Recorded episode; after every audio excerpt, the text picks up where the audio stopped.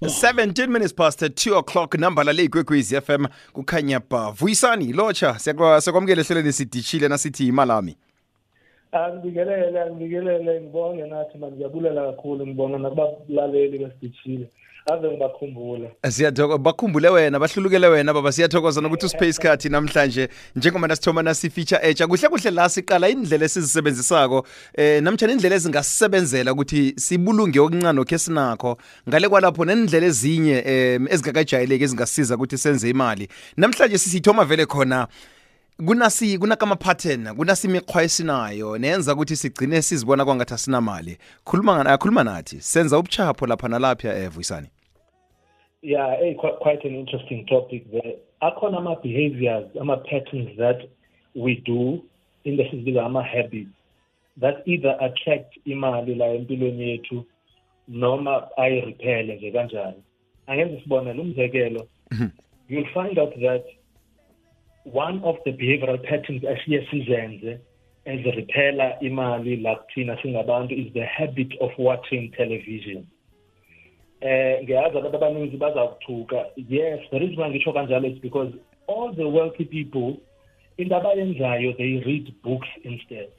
But thina what attracts poverty in our lives is the fact that we watch too much television instead of listening to our shows like Chile where we'll be empowered sigcina la sibukela ama-television and the only thing we get there is to be entertained.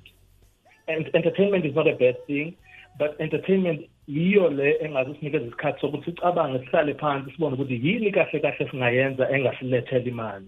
Uyayibona nathi mm -hmm. uh, and the second thing behavioral pattern that i've noticed is the is the pattern of entertaining excuses. Iyayi-attract i-poverty mntakamanga ngifuna ukuqamba amanga. Le nto yokuthi hhayi the reason why usibanibani ephumelele is because of this and that and that. And the reason why i can't do this is because of this and that and that. Ama-excuses will cripple your mindset. Ama-excuses will make you not do anything. As a result the wealthy people what they do they take responsibility for where they are in life. Never entertain excuses no matter how valid they are so you must always try and look for why why can you do something instead of why can't you do it? Look at how you can achieve something instead of why you can't achieve it because my excuses will never get you anywhere. And number two why la manje you must know that it's because of the past choices that you have made. And some of the choices were made for you but the habits that you were you the patterns the behavioral patterns that you engaged in yesterday yiwo la akwenziwa la kule ndawo ukhona manje. So uma ungathandi la ukhona manje just change your behavioral patterns and then uzobona nawe you will be successful. Ngadlula ngisho nale yesithathu nathi ngaphambi kobana udlule vuyisani em ngizokupha ithuba lokuthi udlule kiyo kodwana ngisafuna ukubuyela lapha ukuthi sesibabantu sinemiraro eminingi kangaka phela umabona kude um ugcine ba yindlela yokubaleka i-reality esiqalana nayo ngamalanga le. Yindlela yokuthi sikhohlwe. Kodwa konke lokho ngiyacabanga uzongiphendula ungitshele nangephuzu lakho lesithathu ngemva kokuthi sidlule ngapha. Sikhulumisana novuyisani sholo yifeature yethu etsha le la sithi khona yimalami sicala indlela ezi ezi ubuchapha esibenzako um naziza emalini kokuthoma. Kwesibili indlela ezingakajayeleki ezingakhe zisize ukuthi sibulunge imali. 20 minutes past 2 o'clock. Number la kukhanya ba 22 minutes past uh, 2 o'clock. Eh mhatshweni kwekwezi FM vuyisani? Asithome vele ngaphambi kokuthi uyephuzweni lakho lesithathu. Asithome la sizama sibaleka phela nasi imihlago esinayo. Ngikho sigcine sesihlala isikhathini isikhathi eside kangaka kumabona kude mm. nayo inkinga ngathi inkinga yileyo ukuthi sibaleka i-reality. Nayo inkinga kanti uma ufuna ukubuilda i-wealth into kumele uyenze is to deal with the reality. Ungayibalekeli. You must be in control of your life. Angenza isibonelo nathi uyabona ubuka ama-television nowadays? Ubuke ama-soapies lasiwathanda kakhulu. Uzothola ukuthi some of the things abakufundisa zona bekufundisa bek-entertainer as a result wena you don't notice. Umzekelo isibonelo futhi ukuthi uzothola ukuthi wonke umuntu onemali la kuma-shopping uzothola ukuthi kunendlela thize emnyama ayenze ngayo. Mhlawumbe udayisa ama-drugs mhlawumbe wenza ini. As a result ugcina wena ucabanga ukuthi hhayi ume ukuthi ngifuna imali usho ukuthi nami ngizofuneka ngidayise ama-drugs nani nani kanti akuhambi kanjalo. Si-wealthy singahange sidayise ama-drugs. Si-wealthy sinobuqedi singahange sibulale muntu because of the belief system that we have. Yeah. so that's why ngithi esikhathini sokuthi uspend isikhathi sakho ubukele ama-television thatha incwadi lalela usidishile anything ezoku-empowerisha instead ezokukhuthaza ukuthi awu- awu- awu- awufulfill ama-goals la wakho instead instead of spending that time wasting it on, on uh, ama-television. Kanti yingakho ngithi-ke inkinga ileyo you want to unwind awufuni ubalekela iy'nkinga zakho nayo i-problem mhlawumbe ngikho ke vele ngikho sigcine sesi sesicabanga ukuthi ilottery isisombululo se semiraro yonke esinayo. Eyi eyi eyi eyi, uyabona-ke yinye yenye ke leyo nathi ye-big problems ezi-attractor i-poverty in our people. Ngiye ngithi uma ngiyibiza ngithi it's the lottery mindset. Yileya mindset yokuthi if only i can win ilotho if only i can do this then yileso sikhathi leso en- inkinga zami. Yabona uma wenza kanjalo uthatha ubomi bakho ubunikeza entweni enama-chances are very minimal ukuthi ungaphumelela. How many chances out of the millions of south africans abadlala ilotho how many chances of you uzowina leyo lotho yebona kanti ima ufuna u-attracta ubucebe empilweni yakho yibane into ethi uma ngibiza yi-action mentality. Take control of your life. Ithi ukuze if ngifuna imiliyoni ngenza kanjani ukuze ngiyithole? Uma ngifuna i-income ngenza kanjani ukuze ngiyithole? Instead of saying that only if i can win the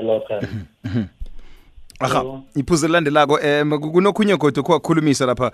Indaba yokuthi sinama siba nama-idea amaningi kodwana senze itho ngawo. Umehluko yini ihlangana kwabantu abahlagako namtshana eh, nabantu aba- abantu abasikimako benze umehluko? Mm, uyabona ke ak- akunabantu aba abacebile when it comes to ama-ideas njengabantu aba- abangamahlwengu nathi uyabona uma ulihlwengu the poor people have many ideas. As a result uthe wathi omunye umuntu eyona ndawo ikhe yawealthy la emhlabeni kusemathuneni because people have ideas. But inkinga aphi khona ukuthi asiwafulfili as- asithathi action njengabantu abacebile. Abantu abacebile unene-idea uvela athathe action now nayo inkinga nayo into ebangela ukuthi singathathi i-action nathi ukuthi siyasaba. Une-idea enkulu uyasaba. And unale mentality ethi what if le idea yami iyafeyila what if le idea yami ayiphumeleli? Yabo? Kanti abantu abawethi bathatha lama-ideas banawo bawa-implemente. Umuntu afeyile ubuyafeyila but he failed forward oh afeyile afunde khona la afeyile khona. Uyabona na? Oh yeah. Yeah yazi kusa bekusatsho will smith yeah. Yeah. the two of us. Noqinisile ideas but at the same time asiwa-implemente ama-ideas vuyisani bengisatsho ukuthi bengisatsho eh ngibone kenye iclip kutsho Will Smith ukuthi eh kuhle kuhle yena nakunento yinya ifisa ke empilweni nafisa nava nafuna ukuyibona eh bukufeyila ngoba na kusekufeyile napho la afunde khona ukuthi kufanele alungise ini kufanele enze ini. Nakutsho khona ukuthi lapho kunyeke sibethwa nginasindaba yokuthi si- sihlala nabobani sisaranda nabo bani? E- exactly exactly. Yabona ke abantu esisaranda nabo very important. Uma ukuthi la kune kule circle ozisarande nabantu khona wena who's the smartest wena ekubuzwa kuyena imibuzo wena who's the clever then that circle is wrong change it. Ufuna ukuhlangana nabantu abazokuchallenge ufuna ukuhlangana nabantu abazo abazothi la ufuna ukuya khona nathi babe sebeshikile vele so that you can learn a lot yile nto siyifunayo. So abantu esihlangana nabo Now, nayo into eng- eng- eng- eng- engiyishoyo la encwadini le ngiyibhalile ten money mistakes I made that you must avoid. Ngithi if ku- ku- ku- ku- ufuna uku-estimate isalary yakho in the next five years nathi estimate isalary yabantu o- o- o- o- ozi-associate nabo the, the five people the five closest people ozi-associate nabo I'll estimate isalary yabo and then we divide it by five and then that will be your average salary nekuphela i- i-five years. Iqonda ukuthi leyo iqonda ukuthi ube- if ufuna uku ngisho even increase isalary le yakho associate with people abana aba-earner more than you are earning. And uyi- ubabuze imibuzo don't be someone ozo ozosiloko ufuna unikeze i-advice. Awukhulalele sometimes ukufunde la kubona ukuthi benze kanjani bona. Khona ukuze bafikelele la bekhona Oh yeah, oh yeah. Manje ke Yeah. eh sesi sesisonga ke kunenye into esiyenzako lapha ukuthi sicabanga ukuthi ama take away achiphile kodwa ke kunobuchapha esibenzako la musinasi nasiloku sihlalela ama take away isigalendlela. Uya- uyabona uyabona nathi la la la ningibambe khona manje it's one of the biggest fast food restaurant engingene kuzona ubamba le phone call the majority of people abala kwi-line are poor people poor people bala and ingenzela iwari leyo nto because ume ume ukuthi ama-takeaways for example and akusiwo umuntu o-exercisayo iyayi-affecta indlela ocabanga ngayo leyo nto.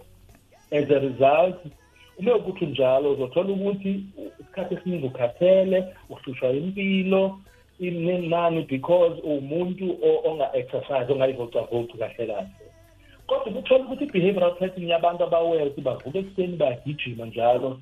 As a result bathi benama-ideas bayakhona ukucabanga bayakhona ukuwa-implementa bane-energy abanayo because ba-abantu aba-exercisayo Oh, so it's one of the things ezi-attracta i-poverty mentality ukunga-exercise nokudla ama-fast food plus they are very expensive. Oh, yeah.